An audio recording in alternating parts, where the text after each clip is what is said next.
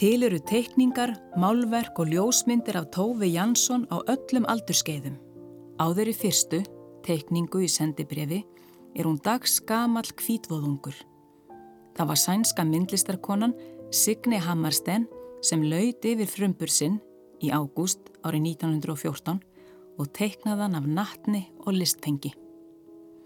Tófi naut ásturíkis og aðtikli frá fyrstu stundu. Hún kaus að fylgja í fótspór foreldra sinna sem báðir voru listamenn. Móðurinn, Signe, var teiknari, eins og fyrr segir, og fadurinn myndtökvari. Hann hétt Viktor Jansson og var finlandsænskur. Hjónin kynntust í listnámi í París og settu stað í Helsingi að námi loknu. Signe náði góðum árangri sem teiknari og hannaði til dæmis bæði peningaseðla og frímerki. Þau Viktor eignu síðar tvo drengi og öll gengu börnin listinni á hönd. Heimili var ein vinnustofa þar sem Signe teiknaði, Viktor mótaði stittur og börnin fengu að spreita sig. Lífið og listin fléttuðust saman. Eitt þekktasta verk Viktors er bronstitt af konu sem stendur í almenningsgarði í Helsingi. Það var Tófi sjálf sem satt fyrir. Stittan sínir nakta konu bera fyrir sig hendurnar eins og hún sé að verja sig. Henn er ætlað að tákna vorkomuna. Finskir myndtökvarar komist í feitt eftir stríð þegar reysa þurfti hetjunum stittur. Stór hluti af starfi húsbúndans, Viktors, fólsti að taka þátt í samkjafnum um gerð þessara minnismerkja og þákat bröðu til begja vona. Tófi vissi því vel út í hvað hún var að fara þegar hún lagði myndlistina fyrir sig. Hún þekkti gleðina sem listsköpunin veitti en líka sjálfsefan sem kvarnað gatt úr henni.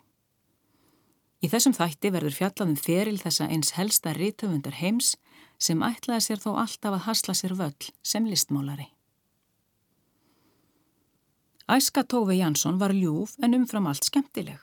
Á sumrin hittist móðurfjölskyldan og sveitasetri út á eiginni Blítu í sænska skerjagarðinum Húsið átt eftir að verða fyrirmynd múminhúsins og þarna gæti ævilöng hrypning tófi á eigum hafa vaknað.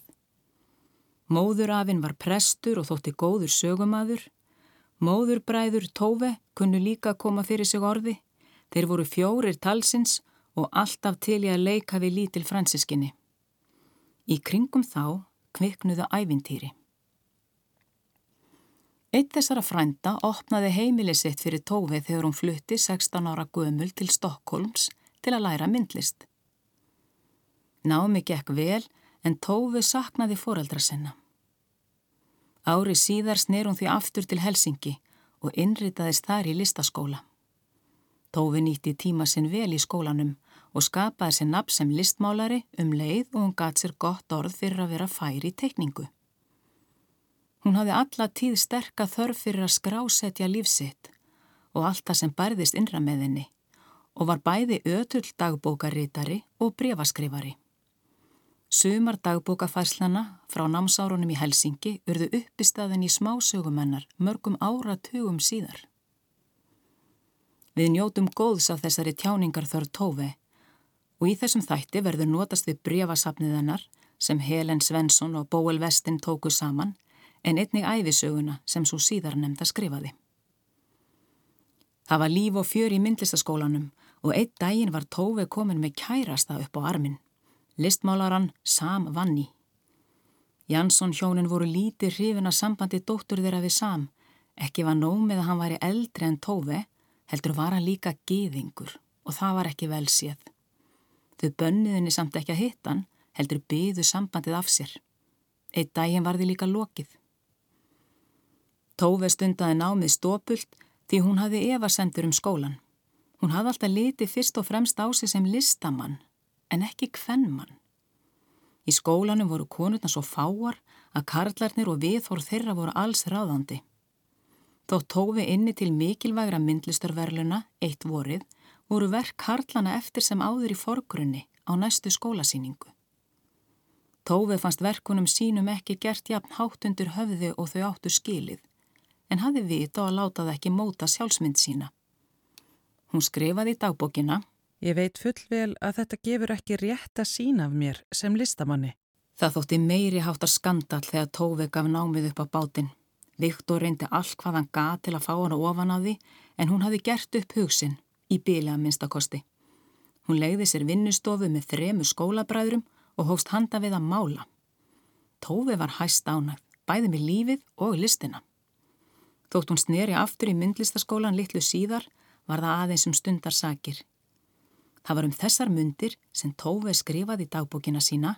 Málaði nýja mynd af Sveaborgvirkinu. Hýfandi rók.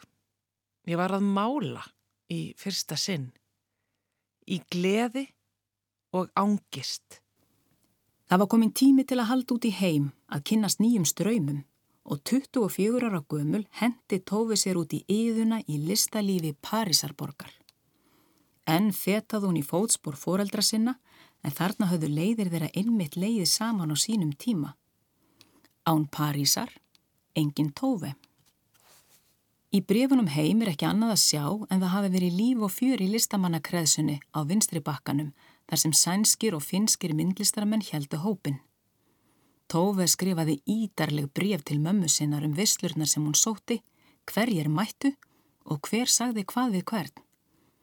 Út á götum Parísarborgar byðu undur sem synd hefði verið að ekki bærust til Finnlands. Lögadagur. Ó já, ég glind að segja þér. Á sunnudaginn sá ég fyririldi í fyrsta skipti. Það var brún gullt.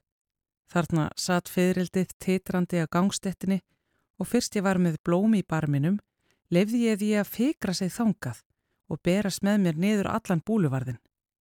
Í dag sá ég svo annað fyririldi. Það var kvítgullt. Tófi leið vel og þó henni gekk erfiðilega að finna rétta skólan og reyndi fyrir sér í alls þremur. Eitt er að hugnaðist henni ekki vegna snopsins og eineltisins sem þar viðgekst en loks fann hún rétta skólan og gatt einbytt sér að listinni. Eitthvað var unga fólkið að skjóta sig hvert í öðru í París og Tófi reyndað átta sig á merkasendingunum. Ég verð mjög tortrykkin þegar ungir menn segist vilja fáman á kyrlótan stað þar sem við getum dvalið í friði á fallegu gistiheimili og málað. Stundum er þetta orðað eitthvað aðeins öðruvísi en ég hef nú þegar fengið að heyra þetta þrísvar. Viktor Jansson brá sér í heimsók til dóttur sinnar í París og þá fóru góðir dagar í hönd þar sem hann rifjaði upp kynni sín af heimsborginni. Feðgininn skunduðu saman á söpn og veitingastadi og tófi kynnti föður sinn fyrir vinum sínum. Frökkunum fannst undarlegt hvað þau feðgininn voru samrýmt. Þeir voru ekki vanir því að jafnaldra þeirra ættu jafn góðan vin í pappa sínum. Parísarveturinn breytti tófi. Spekingar segja óttaleysi og sjálfströst skína úr myndunum sem hún málaði á þessum tíma. Hún var sjálfstæðar en áður og helt einsins liðs í ferðalag til Ítalju áður en hún sneri aftur heim. Þar nýtt hún tíman vel, skrifaði fjölda brefa heim, samti smásugur og skissaði.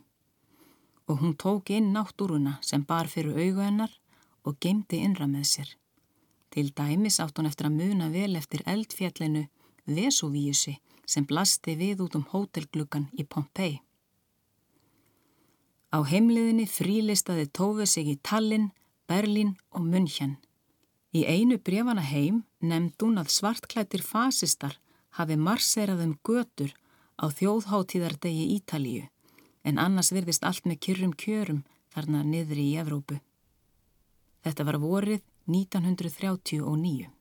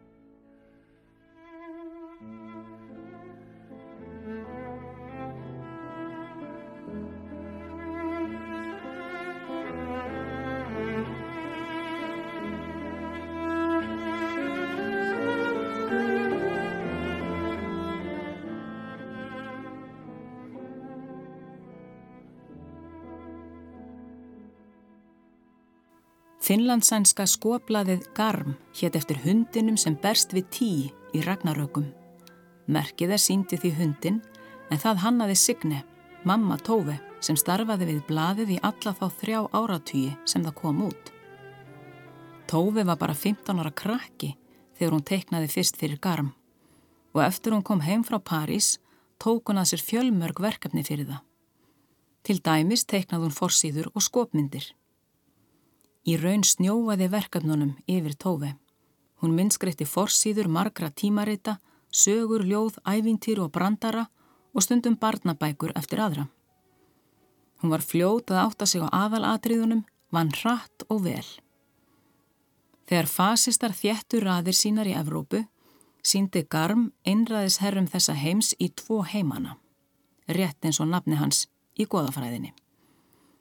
Skopmyndateiknarar blaðsins tók að draga þá Jósef Stalin og Adolf Hitler sundur og saman í háði.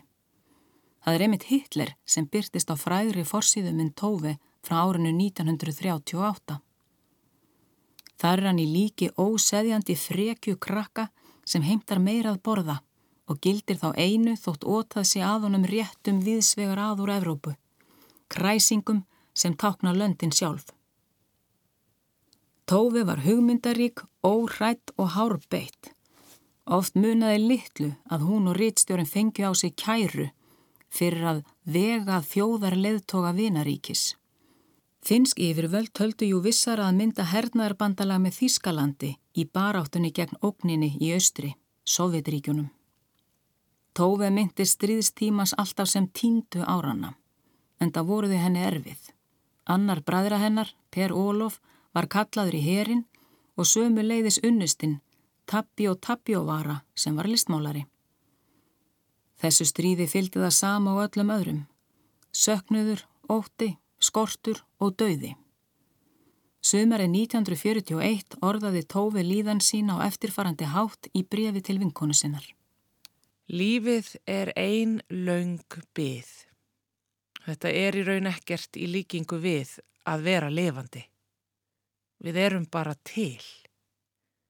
Einstinni trúi við í þó heils hugar að allt fari vel, að við eigum eftir að hittast aftur og finna gleðina á nýjanleik. Rúsar letu sprengjum ryggna yfir Helsingi og í einni árásinni splundruðu skluggarnir í vinnistofu Tófi. Lífið var oft óbærilegt og Tófi ól með sér þann draum að stopna fallega og friðsæla listamanna nýlendu. Þessi draumur veitti henni von. Þrátt fyrir óvissuna reyndu listamenn Helsingiborgar að skemta sér. Í örvandinga fullum flóta frá raunveruleikanum emdu þeir til litríkra grímuballa. Tófið saði frá því í brefi. Allt var skreitt æpandi litum og okkur langaði líka til að æpa. Hún skipulaði líka böll á vinnustofunni sinni. Myrkvunatjöldin voru dreygin fyrir glukkana og engin myndist einu orði á stríðið nema þegar við fengum okkur í aðra tána. Þá töluðum við ekki um neitt annað en einmitt stríðið. Þar sem Viktor Jansson hafi barist í rússa í finsku borgarastyrjaldinni á sínum yngri árum, hafði hann ímugust á kommunistum og var ötöll stuðningsmaður þjóðverja. Þeim feðginum lendi því oft saman, sér í lægi þegar gýðinga bara á góma. En fleira þurft að ræða en pólitík og árið 1941, þegar Tófi var 27 ára gömul, var farið að hafa orð á því við hana að komin væri tími til að gifta sig og koma nú með eitt lítið. Það kvarlaði ekki aðinni. Til þess hafði hún fylst of vel með bröðstritt í foreldra sinna, auk þess en stríðið ítti ekki undir neina lungun til að fæða barn inn í þennan heim. Tófi ætlaði ekki að egnast són sem síðar er þið sendur á vývöldin, eins og hún skrifaði í brefi til vinkonu. Ég er ekkert góði að dástað öðrum eða hugga. Ég hef fyrir lungu átt að mig á að pappi, hjálparvana og kvatvís stjórnar okkur öllum harðri hendi og að mamma er óhefmyggisum vegna þess að hún hefur alltaf sagt já við öllu, breytt yfir vandamálin, gefið eftir og fórnað lífi sínu án þess að fá neitt í staðin nema börn sem geta dáið í stríði. Stríði Karla. Meðan styrjaldin geysaði tjáði Tófi hatur sitt á stríðsregstrinum í teikningum sínum En smám saman varð einmitt þetta sama starf óvænt upphaf að miklu ævintýri sem átt eftir að breyða nafn tófi út um víða veröld og bæta við heilu landsvæði í vitund okkar. Sjálfum múmíndal. Skyndilega tók nefnilega lítill kvítur nefstór náungi að byrtast við fætur þeirra Stalins og Hitlers á skopmyndunum í garm. Tóve kallaðan Snork en hann var vísirinn að múminálfunum. Ekki leið á löngu þar til hún fór að merkja myndirna sínar með Snorknum. Hann byrtist fyrst árið 1943 á grínmynd. Trínið var mjótt, munnurinn lítill, eirun upprétt og rófan löng og mjó. Tveimur árum síðar skrifaði Tófi hjá sér Það má kalla mig frú Snork. Tófi hafði nóg fyrir stafni meðan á heimstyrjöldinni stóð og málaði mikið. Hún tók þátt í samsýningum í Svíþjóð og Noregi og tókst að skapa sér sinn eigin stíl og um leið nafn í finskum myndlistarheimi. Tófi Jansson er einn af eftirtæktarverðustu ungu listamennunum okkar. Skrifaði eitt gaggrínenda eftir fyrstu engasýningun hennar. Um leið og listamennirnir hurfu á vývellina, urðu listakonurnar, hæfileikar þeirra og verk sínilegri. Þegar draga þurfti myrkunatjöldin fyrir var ekki hægt að mála, en þá mátti sinna minnskreitingum. Þó Tófi liti fyrst og fremst á sig sem listmálara hafði hún alltaf meira upp úr tekningunum.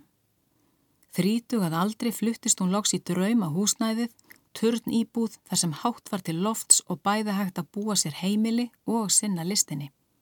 Hún byrjaði líka með nýju manni, Atos Virtanen, vinstri sinnið um heimsbyggingi, stjórnmálamanni og bladamanni. Þau voru saman þegar hún byrjaði að skrifa um múminálfana og þau eitt er að fyrstu til að lesa sögurnar á handreitstigi. Svo fyrsta heitir Littlu álvarnir og flóðið mikla í íslenskri þýðingu Þórtísar Gísladóttur. Bókina samti tófi meðan vetrastriði geisaði á árunum 1939 til 1940 þótt hún kem ekki út fyrir en fimm árum síðar. Útgefandin ákvað að sleppa múminálfunum úr bókartillinum þar sem ekki nokkur maður vissi hvaða þýtti. Hann tók sér svo langan tíma í að svara því hvort hann hefði áhuga á að gefa bókina út að Tóve skrifaði örvandingarfull í brefi til vinkonu sinnar. Þeim er alveg sama um múminálfana núna þegar stríðið stefnir beina leið til helvítis. Loks fekk hún svar og bókin kom út. Þar svífur andrumsloft ófriðarins yfir vötnum, múmin snáðin og múmin mamma er á hrakhólum og vantar heimili fyrir veturinn. Fjölskyldufaðurinn er horfin og óvist hvort hann er lífseða liðin. Heimilisleysi og sundruð fjölskylda. Þetta var veruleiki margra í Evrópa á þessum tíma. Hugmyndina múminálfunum kviknaði hjá Tói strax í bernsku. Eitt móðurbræðrana hafði orðið þess áskinja í einhverju sumarleifinu að sýstur dóttir hans laumaði stundum inn í búr að fá sér í kokkin. Hann ráðlaði henn að gæta sín á múminálfunum. Þessar verur byggja á bakvið kamínuna, skriðu stundum fram, nuttuðu sig upp við fætur þjófsins og blésu aftan á hálsin á honum. Múminálvarnir virtust við eins konar heimilisturaugar sem var and um búrbyrðirnar. Í dagbókum Tófi er múminálfunum setna líst sem hálf óhugulegum og draugslegum verum sem þrýfast í myrkri annara heima. Setna byrtast þeir í málvurkunum hennar sem dökkleitar verur, stattir í tilþrifa miklu landslægi, dimmum eigum jafnvel og á auðum vegum. Þeir gáttu verið grannir og feitlagnir, svartir og hvítir, með grann tríni eða breytt. Þeir voru ekki einhamir. Engin veit fyrir víst hvað þetta múmi nákvæmlega þýðir en orðið er skemmtilegt og döluðin spennandi. Á sænskunu heita þessir álvar reyndar múmin tröll en í íslenskri þýðingu steinunar brím urðu þeirrað múmin álfum. Skáldsugurnar urðals nýju, myndabækurnar þrjár, auk einn smásagnasaps. Í litlu álfunum og flóðunum mikla kynnumst við uppbruna múminálfana og siðum en sagan hefst á sjálfri múminmömmu. Hún er mikilvægust, en það hlý, sterk og úræðagóð. Múminsnáðin getur reytt sig á hana og ekki bara hann, því henni finnst ekki tiltöku mál að taka snappa að sér og bjarga ketti úr flóðinu. Veskið er alltaf með í för, tápn þess valds og styrks sem hún býr yfir. Þar geymir hún súkulaði en líka tappatókaran sem kemur í góðar þarfir þegar flösku skeiti berst frá múminpappa. Sagan um fjölskyldu sem tvistrast en saminest á nýjan leik byrtist í ýmsum myndum í öðrum múminalvabókum. Sem og svo góða hugmynd að allir þeir sem berað gardi séu hjartanlega velkomnir. Myndirnar vann tófi með blandaðri tækni sem hentaði vel til að tólka myrkrið sem grúferi við sögunni og samspil, ljós og skugga. Þegar litlu álvarnir og flóðu mikla kom loksins út var Tófi byrjað á næstu múminalvabók, Halastjörninni, sem kom út tveimur árum síðar. Engar aðrar múminalvabækur eru jafn fullar af óta og kvíða og þessar tvær fyrstu. Þó Tófi væri sæmila þekkt í Finnlandi, dugðið ekki til þegar á bókahólmin var komið. Litlu álvarnir og flóðið mikla fór lágt. Aðeins seldust 219 eintök árið sem bókin kom út. Einn dómur byrtist um bókina og það í blaði sem Atos unnusti tófi rittstýrði. Dómurinn var ágætur. Bókin þótti frumlegri og dýpri en gaggrinnandi hafi búist við. Húnu mislíkaði samt ósamræmi á milli mynda og texta. Múminpapir sagðu stinga rófinu ofan í vasan án þess að hafa neina vasa. Bókin kom líka út í Svíþjóð en þar tók ekki nokkur maður eftir henni. Sama ár byrtist nefnilega fyrsta bókinum Línu Langsók eftir Astrid Lindgren. Þar meðhófst ný bylgja í sænskum barnabókmentum þar sem hörmungar heimstyrjaldarinnar voru viðs fjari. Múmin álvarnir áttu ekki heima þar. Þó eiga Lína og Íbúar Múmindals það sameilegt að þar byrtist okkur ný fjölskyldugerð því tími tvístruðu fjölskyldunar var runnin upp. Á sama tíma og Tófi teiknaði stráng pólitíska skopmyndir í garm samt hún sögurnar um múminalvana. Það var þetta bölvaða stríð sem gerði mig, listmálaran, að ævintýra höfundi. Sagði hún síðar í viðtali. Hún leiti alltaf á sig sem listmálara en þegar hún var þreytt á penslunum brá hún sér inn í múmindal. Eins og hún lísti því sjálf voru múminalva sögurnar tilrönd til að skapa heim þar sem allt var vennjulegt og hættulust. Það er líka það sem dreigið hefur lesendur á honum. Engin múminalvana tólkar frelsi jafnvel og snúður. Heimir Pálsson hefur þýtt vorlag snúðs og fyrra erindið er á þessa leið. Ég þræði gegnum skógin því vist er komið vor, það vor sem ég hef bæði þráð og saknað. Með vangja þitt í lofti og ótal óljó spór eftir öll þau dýr sem loksins hafa vaknað. Ég fer með hattin græna þá vegi sem ég vil og vísur mínar hveð ég við munnhörpunar spil. Ég forðast allar egnir, vil engan klafa um háls, því það yrkir engin skáldlega nema hans ég frjáls. Hér syngur Birgitta Ulfsson vorlægið hans snúðs.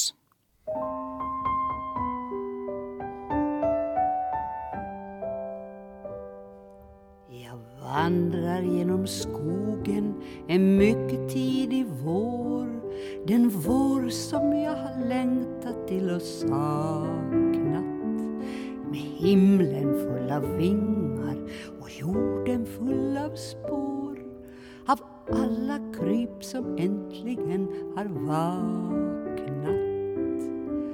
Jag går som jag behagar i min gamla gröna hatt. Jag spelar alla dagar, jag spelar varje natt.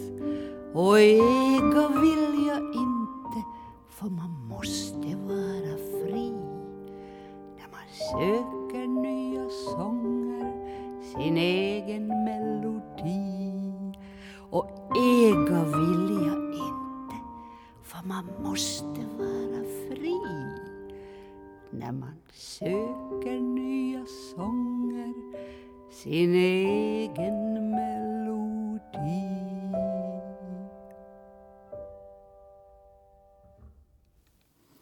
Halastjarnan var unnin hratt og vel sumarði 1945. Þau Tófi og Atos heimsóttu fjölskyldu hans á Álandsegjum þar sem Tófi skrifað á ströndinni, heima við og á bátnum á heimleðinni. Landslag fallegu Álandsegja lættist inn í verkið en tekstinn kom þó alltaf á undan myndunum. Ólíkt því þegar Tófi myndskreitti bækur annara var hún nú sögu smiðurinn myndskreitirinn og bókar hönnuðurinn. Það var hún sem let myndur og texta renna saman á síðunum. Frá upphafi þóttu múminálfa bækurnar henda bæði börnum og fullornum og í halastjörnunu er ekkert gefið eftir. Hún fjallar um baráttu íbúa múmindalsins við náttúruöflin því nú stæðir að þeim hætta á tortímingu. Þar byrtist einn uppáhaldsvera margra unnenda bókaflokksins, sjálf Bísamrottan, sem er heimilislaus heimsbyggingur. Honum er vitaskuld bóðinn í múminhúsið, útbúið fyrir hann fleti og honum bóðið upp á glas af eplavíni. Snorkstelpan er líka mætt, það er ju alltaf plás fyrir eitt gesti viðbót. Og annar uppáhalds íbúi múmindals skýtur lík upp kollinum fyrrnemdur snúður sem tófi byggði á Atos. Snúður byrtist í múmindal á vorin en hveður á hösti. Hann hyrðir lít um verallegar eigur. Allt verður svo óskup leiðilegt þegar maður vill endilega eiga hlutina, flytja þá með sér og hafa þá í kringum sig, segir hann. Ég horfi bara á þá og þegar ég fer leiðar minnar eru þeir enn í höfðun á mér og ég get skemmt mér við þá án þess að þurfa að drastlast með þungar ferðartöskur. Halastjarnan vakti ekkert meiri aðtiklinn litlu álvarnir og flóðu mikla en það aftrað ekki tófi í að hefjast handa við á þriðju. Söguþráður pípuhatt skaldrakarlsins ólmaðist innra með henni og hún var svo hel tekin á múminálfunum að hún varð að stramma sig af til að ljúka öðrum aðkallandi verkefnum. Engasýning stóð fyrir dyrum og ekki máluðu verkinn sig sjálf. Heimur múminálvana, ofinn bæður orðum og myndum lokkaði. Í november árið 1946 þegar Tófi vannað pípuhatti Galdrakarlsins skrifað hún í dagbókina Indislegt kvöld á vinnustofinni, alein með múminálfum. Um svipa leiti byrjaði hún að semja teiknimyndasögu með múminálfunum fyrir tímaritt sem Atos hafi stopnað. Þær eruð ekki langlifar því lesendur voru ósáttir við þær. Sér í lægi fóru smáborgaraleg viðhorf múminpappa í taugarnar á þeim. Ekki er hægt að heimfara smáborgaraskapin upp á tófi sjálfa sem hikaði ekki við að beigja af leið borgaralegra hlýðinni þegar hún varð ástfangin af annari konu. Hún hétt Vivika Bandler og var að læra til leikstjóra. Sambandi var stutt en setti marksitt á múminalva bækurnar því í pípuhatti Galdra Karlsins byrtast fyrðu verur sem heita á sænsku Tofslan og Vifslan. Tofslan er dreyið af nafni Tófi og Vifslan af nafni Viviku. Þegar steinun brím íslenskaði bækurnar fengu hinnar kjólklætu Tofslan og Vifslan samt Karlmannsnöfnin Þöngull og Þrasi. Tofslan og Vifslan rógast um með ferðartösku og þar leynist rauðu rúbín, tákn ástarinnar sjálfurar og morrin sem er kvennkins á sænsku en verður karlkins í íslensku þýðingunni vil koma loppum yfir rúbínin. Hverskins eðalsteinar, gimsteinar, gull, perlur og smaragðar koma íðulega við sögu í múminalva bókunum. Við verðum að fara varlega. Skrifaði Vivika í brefi til Tófi en samkynneið var ólögleg í Finnlandi allt til ársins 1971. Það flækti líka málið að Vivika var gift og Tófi enn með Atos. Sambandi var samt áhættunar virði því Tófi var yfirmáta ástfangin eins og sérst í brefi sem hún skrifaði til kæristunar. Ég er svo hafmyggisum. Það er alveg satt. En það fer alveg með mig að vera svona einmanna. Littlu síðar skrifaði Tófi annað bref til hennar þar sem hún skýrði frá því að hún hefði lokið við pípuhatt galdrakarlsins. Tofslan og Vífslan láta öllum íllum látum í lokin og hafa sigrað morruna. Þær eru óaðskiljanlegar og sofa hlið við hlið í borðskúfu. Engin skilur tungumálið þeirra en það skiptir engu máli á meðan þær sjálfar vita hvað framfer. Elskarðu mig? Síðan bætti tófi við á tungumáli tófslu og vifslu. Öðvisla. Takk sömu leiðsla. Á þessum tíma vann tófi að veggmynd í ráðhúsi Helsingi og málaði sig og viðviku inn á myndina. Þetta var yfirlýsing. Líf Tófi var að taka stakkaskiptum. Eins og fyririldið sem hún hitti eitt sinn fyrir á gödum Parísarborgar endun í að hún sig og nú tóku fleiri personur að byrtast í skopmyndunum í garmi og íbúum múmindals fjölgaði stöðugt. Hún var komin á gott skrið með bókaflokkin og þorðataka áhættur, enda sló pípuhattur galdrakarlsins í gegn. Verkið sker sig frá fyrri bókum því nú ræður sumarið ríkjum í Múmindal. Múminálvarnir vakna eftir vetraldvalan og rekast á dularfullan pípuhatt. Littlu síðar hefur múminsnáðin breyst í kynjadýr sem enginn þekkir. Nema náttúrulega múminmamma sem lætur slíkar umbreytingar ekki milja úr móður ástinni. Hemúlun er mættur með frímerkjasafnið og bísamrottan lesum tilgangsleysi allra hluta í hengirúminu. Bókin kom út í Englandi árið 1950 og urðu margar tilviljanir til þess. Tófi hafði leikt breskum listamann í vinnustofuna sína á meðan hún var í burtu. Þegar hún kom aftur bjóst hún við að maðurinn færi, en hann var ekki á leiðinni neitt og hún var of góðhjörtuð til að vísa honum á dyr. Saman deilduðu því vinnustofunum sinn. Þegar Tófi frétti að bretin hefði gefið út barnabók í sínu heimalandi, fekk hún nafnið á útgáfunni og sendið þangað eintaka múminalvabók. Forsvarsmönnum útgáfunar leist vel á gripin og gaf hann út. Það sem gerði múminálfana loks fræga át um víða veröld var þegar Tófi var beðunum að semjum þá stuttar teknimyndasögur í The London Evening News sem þá var mest selda dagblad heims því það seldist í 12 miljónum eintökum daglega. Teknimyndirnar byrtust fyrst árið 1954 og urðu feiki vinsælar hjá öllum aldurshópum. Enn og aftur tók líf tófi breytingum.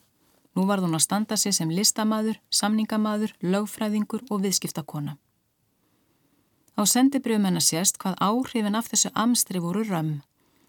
Þar lýsur hún því hvað múminálvarnir séu farnir að taka mikinn tíma. Hún geti varla lengur skrifa vinum sínum eins og henni hefði alltaf fundist það skemmtilegt. Múminalvafræðin kraðist mikils og henni varða að lúta. Auðvita var samt líka gaman. Það er mikið um að vera og allt á sama tíma.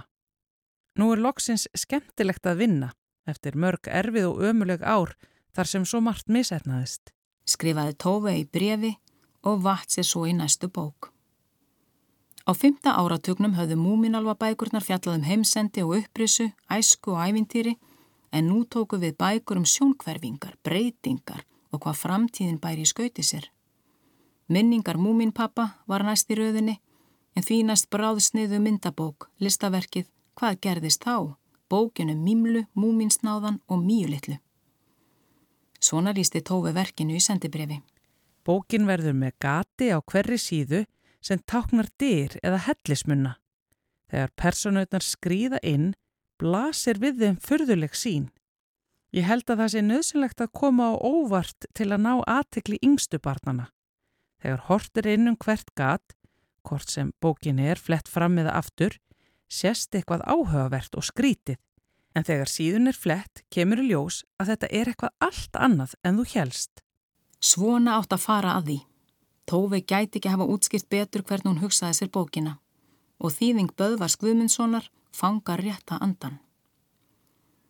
Frá mjölkur kaupum klukkan fimm er kvöldin voru orðin dimm, kom múmin snáðinn með sér þar, hann mjölkur brúsa fullan bar, í greinum drögstleg góla þaut, það grillt í augu niður í laut og hættulegt seg húmið á.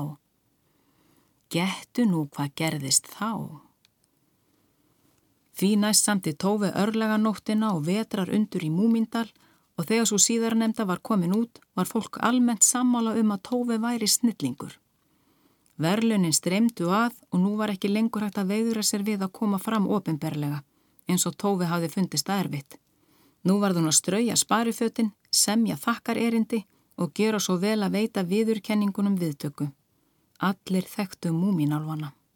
Ekki leið á löngu þar til háskóla samfélagið uppgötvaði múmindalinn og áður en við var litið var sóst eftir Tófi til að halda fyrirlestra þar.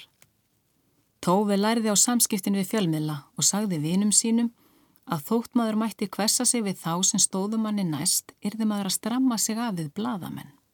Maður brosir bara og segir, já, auðvitað hef ég tíma til að mála. Auðvitað þykir mér mikið til barn að koma. Það er svo gaman að svara brefunum frá þeim. Jú, mikið rétt. Nú er hægt að fá múminálfa mótaða í marsipan og kertavaks. Er það ekki dásamlegt? Árið 1954 stóð Tófi á fertugu. Hún var hægt með Atos og eignaðist unnustu. Hún reyndi að segja fóröldrum sínum að hún var í samkynneið en þau skildu það ekki. Hún gæti ekki rætt ástina við þau. Í örlega nóttinni sem kom út sama ár hverfa mörkin millir fantasi og veruleika. Lesendur tóku bókinni fagnandi og gaggrinendur höfðu á orði að þetta væri bók sem börnum væri alveg óhætt að gefa foreldurum sínum. Annar velti því fyrir sér hvort börn höfðu jafn gaman af hennu og fullornir og svarið var já. Sagan gerist í yfirgefnu leikhúsi og því tílengaði Tófi viðviku verkið en hún var henni innan handar í öllu því sem viðkom leikhúsi. Um svipa leiti sóttist leikhús í Gautaborg eftir því að fá að setja halastörnun á svið. En Tófi krafðist þess að viðvika leikstýrði verkinu.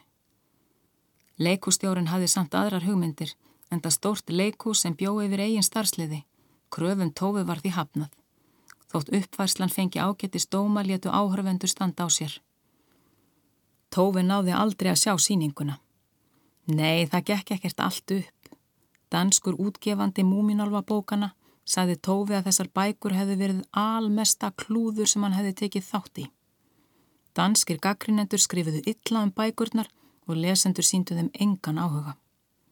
Það sem blómstraði þó voru teiknimyndirnar sívinsælu í The London Evening News. Þær vöktu aðtigli á bókunum sem aftur vöktu aðtigli á teiknimyndunum. Þær byrtust í dagblöðum í alls 20 löndum.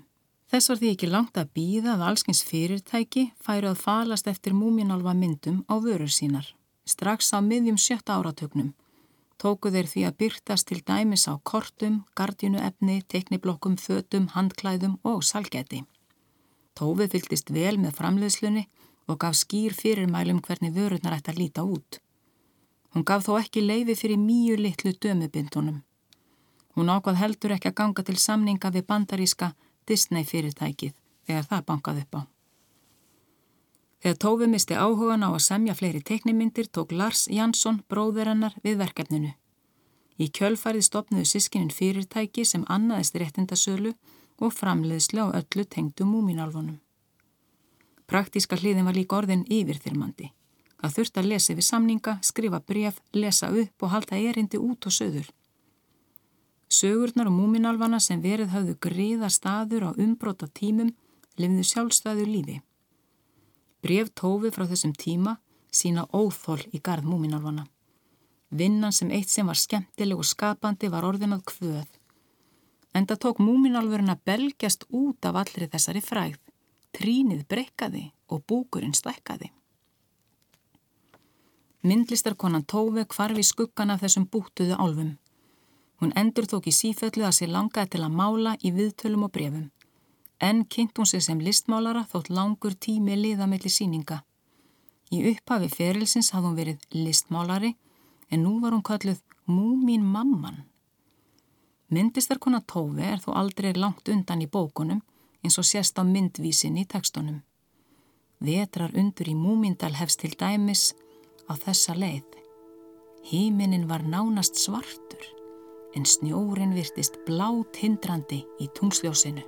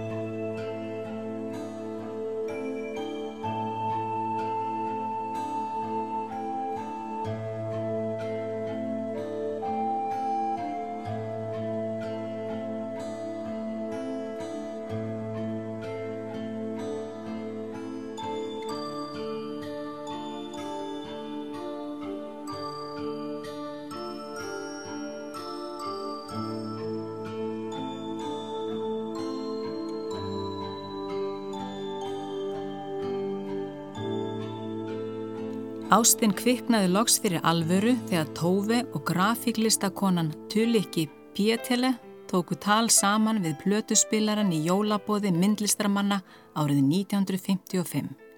Þær höfðu báðar tekið með sér plötur og var illa við að einhver annar blandaði sér í tónlistarvalið. Þegar Tófi hóst handa við að skrifa vetrarundur í Múmindal byrtist þar ákaflega jarðbundin kona sem kallar ekki allt ömmu sína. Hún heitir Tikka Tú og er byggð á Tullikki. Tófi fannst hún eiga þessa sögu Tullikki að þakka. Hún hefði kent henni að meta veturinn. Hér vaknar múminsnáðin óvæntan vetrardvala. Klukkurnar eru hættar að tefa, rík liggur yfir öllu og honum tekst ekki að vekja mömmu sína. Hann þarf því að spjara sig upp á eigin spýtur. Þetta er eina múminalva bókin þar sem dauðin kemur við sögum. Tófi og Tuliki byggu alla tíð í Helsingi en áttu líka lítið hús á eigu í finska skerjagarðinum. Þar gæti reyndar oft orðið mjög geskvæmt, sér í lægi þegar fræð Tófi jógst og fólk kom siglandi til þess eins að sjá henni bregða fyrir. Jóli 1965 var Tófi beðunum uppskriftir í jólatímaritt en baðst undan því. Þessi stað langaði hana til að semja sögu um jólasíðina sem Jansson fjölskyldan hafði haldið í hiðri. Þetta varð upphafið að fyrsta smásagnasafni Tófi sem sérstaklega var sami fyrir fullorna. Það heitir Bildhuggarins dóttir eða dóttir myndhögvarans og er dásamlegt safn sagna þar sem stelpa segir frá í fyrstu personu. Vissulega gæti þetta verið Tófi en nafni kemur þó aldrei fram. Í brefi til Tullikki skrifaði Tófi Ég byrjuði að skrifa en hefað sjálfsögðu enn enga hugmyndum hvað kemur út úr því. Aðalatriðið er samt að ég hef hafist handa. Hér eru engir múminálvar. Dóttir myndtökvarans sló í gegn og var einn mest selda bókin í Finnlandi árið 1968. Tófi var óhætt að skrifa meira fyrir fullorna. Árið 1970 kom múminálva bókin sent í november út og var þar með svo nýjunda og síðasta í rauðinni. 25 ár voru liðin frá því svo fyrsta kom út. Það er samt engum múminálfum fyrir að fara. Fyllifjóngan, hemúlin og snúður koma hvert í sínu lægi í múmindalin en þar er engin. Múminfjölskeldan er farin. Viðbröðu lesenda voru ímsa vegu. Sömur voru heitlaðir en aðrir urðu hálf ringlaðir af óvissinu í bókinni. Þeir vildu fá sína gömlu góðu alfa og enga revjar. Tófi hafði enn ekki sleft alfarið hendinni af múminálfunum því hún átti eftir að semjum þá myndabók, múmin jóladagatal fyrir sjónvarp og handrita leikbrúðusýningu. Síðan þurfti að semja lagateksta fyrir þá og setja upp múmin síningu með teikningum og brúðum. Nú fannst henni þó komin tími til að skrifa bækur sem aðeins voru ætlaðar fullornum og þegar hún var byrjuð á því var hún óstöðvandi. Andagiftin var söm við sig og sköpunar gleðin sömu leiðis. Stökkið yfir í hrein ræktaðar fullorðins bækur Ollinni þó kvíða eða eins og hún orðaði það í brefi. Það má finna kaldan gust næða um sig þegar stíið er út úr múmindalnum. Tófi var mjög gaggríninn á eigin skrif, strókaði miskunnalist út, endur skrifaði og breytti og nú var hann á ókunnugum slóðum. Árið 1971 kom smásagnasafnið Lýstnerskan eða Hlustandin út með átján smásögum þar sem einmannaleiki og þráhyggja eru megin stefið Lesendur voru ánæðar með verkið og þóttu sögurnar í anda Tjekkov og Kafka. Sama ár og hlustandin kom út helt Tóvilóks engasýningu á verkum sínum og aðra með konunin sinni. Síðan skelltu þær sér í heimsreisu. Tullikki átti það nefnilega sameilegt með snúði sem sagtur um í halastjörninni. Allt var miklu skemmtilegra eftir að snúður slóst í för með þeim. Þær tófi áttu það sameilegt að hafa dálæti á ferðalögum. Þær gerðu hlý á heimsreisunni í einni fjörugustu borg heims, New Orleans, og dvöldu þar í heilan mánuð. Þar lög tófi við hérna ægi fögru bók, Sumarbókina, sem Ísak Harðarsson hefur þýtt. Þótt bókina hafi verið lokið í borg íðandi næturlífs og dular fullur af útúsiða, ber hún engin merki þess. Þetta er ramfinsk bók sem gerist á eigu í skerjagarðinum og segir frá fallegum, fyndnum en stundum hrjúfum samskiptum eldri konu við barnabart sitt, stúlkuna Sofju. Tófi byggði þær á móður sinni og bróðurdóttur. Ferðir Tófi og Tulikki leittu þær víða og meðal annars komu þær hinga til Íslands.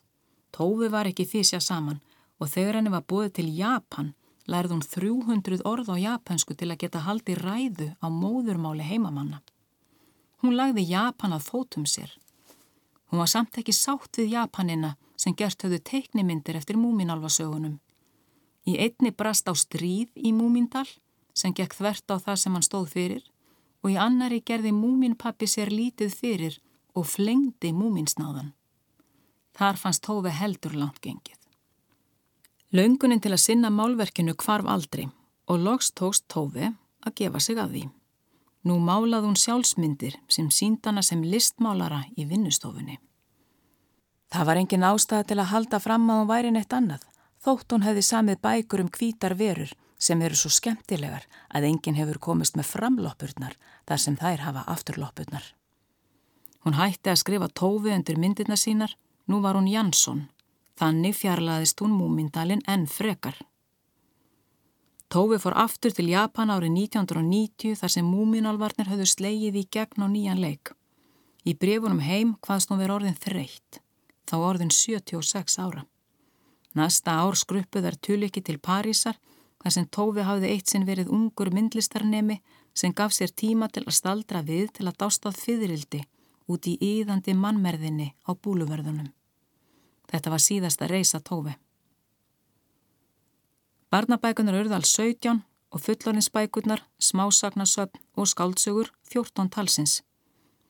Allt og margar til að vera allar nefndar hér á nafn. Elja Tófi og sköpunarþrá voru með miklum ólíkindum. Þegar síðasta smásagnasafniðinnar kom út, Antekningar frónin Ö eða Minningar úr Eyju árið 1998, var hún orðin 84 ára. Eftir því sem aldurum fór að færast yfir Tófi var lífið floknara.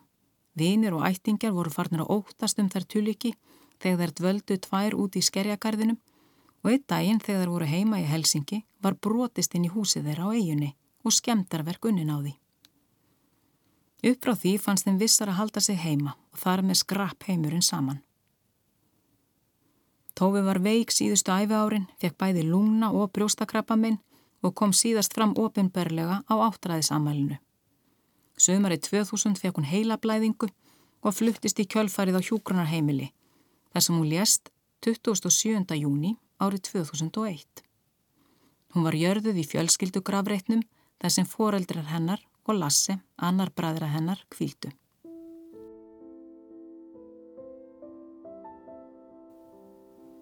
Þegar sagt var ofinberlega frá andláti Tófi fylgdu línur með úr vorlæginu sem hún hafi lagt í munn snúðs. Setna erindið er á eftirfarandi leið. Ég vildi semja kvæði um vorsins lækjarnið með viðlægi er sæmdi heiðmánanum. Í munnhörpuna blæsi að söngfuglana sið og semmin stef til heiðurs einbúanum. En tíminn hleypur frá mér þótt rökkrinn reynist löng. Ég reyni en ég get ekki fundið nokkur söng. Með endur og með væntinga og vorsins klökkva máls og með viðlægi um þann sem er einsamall og frjáls.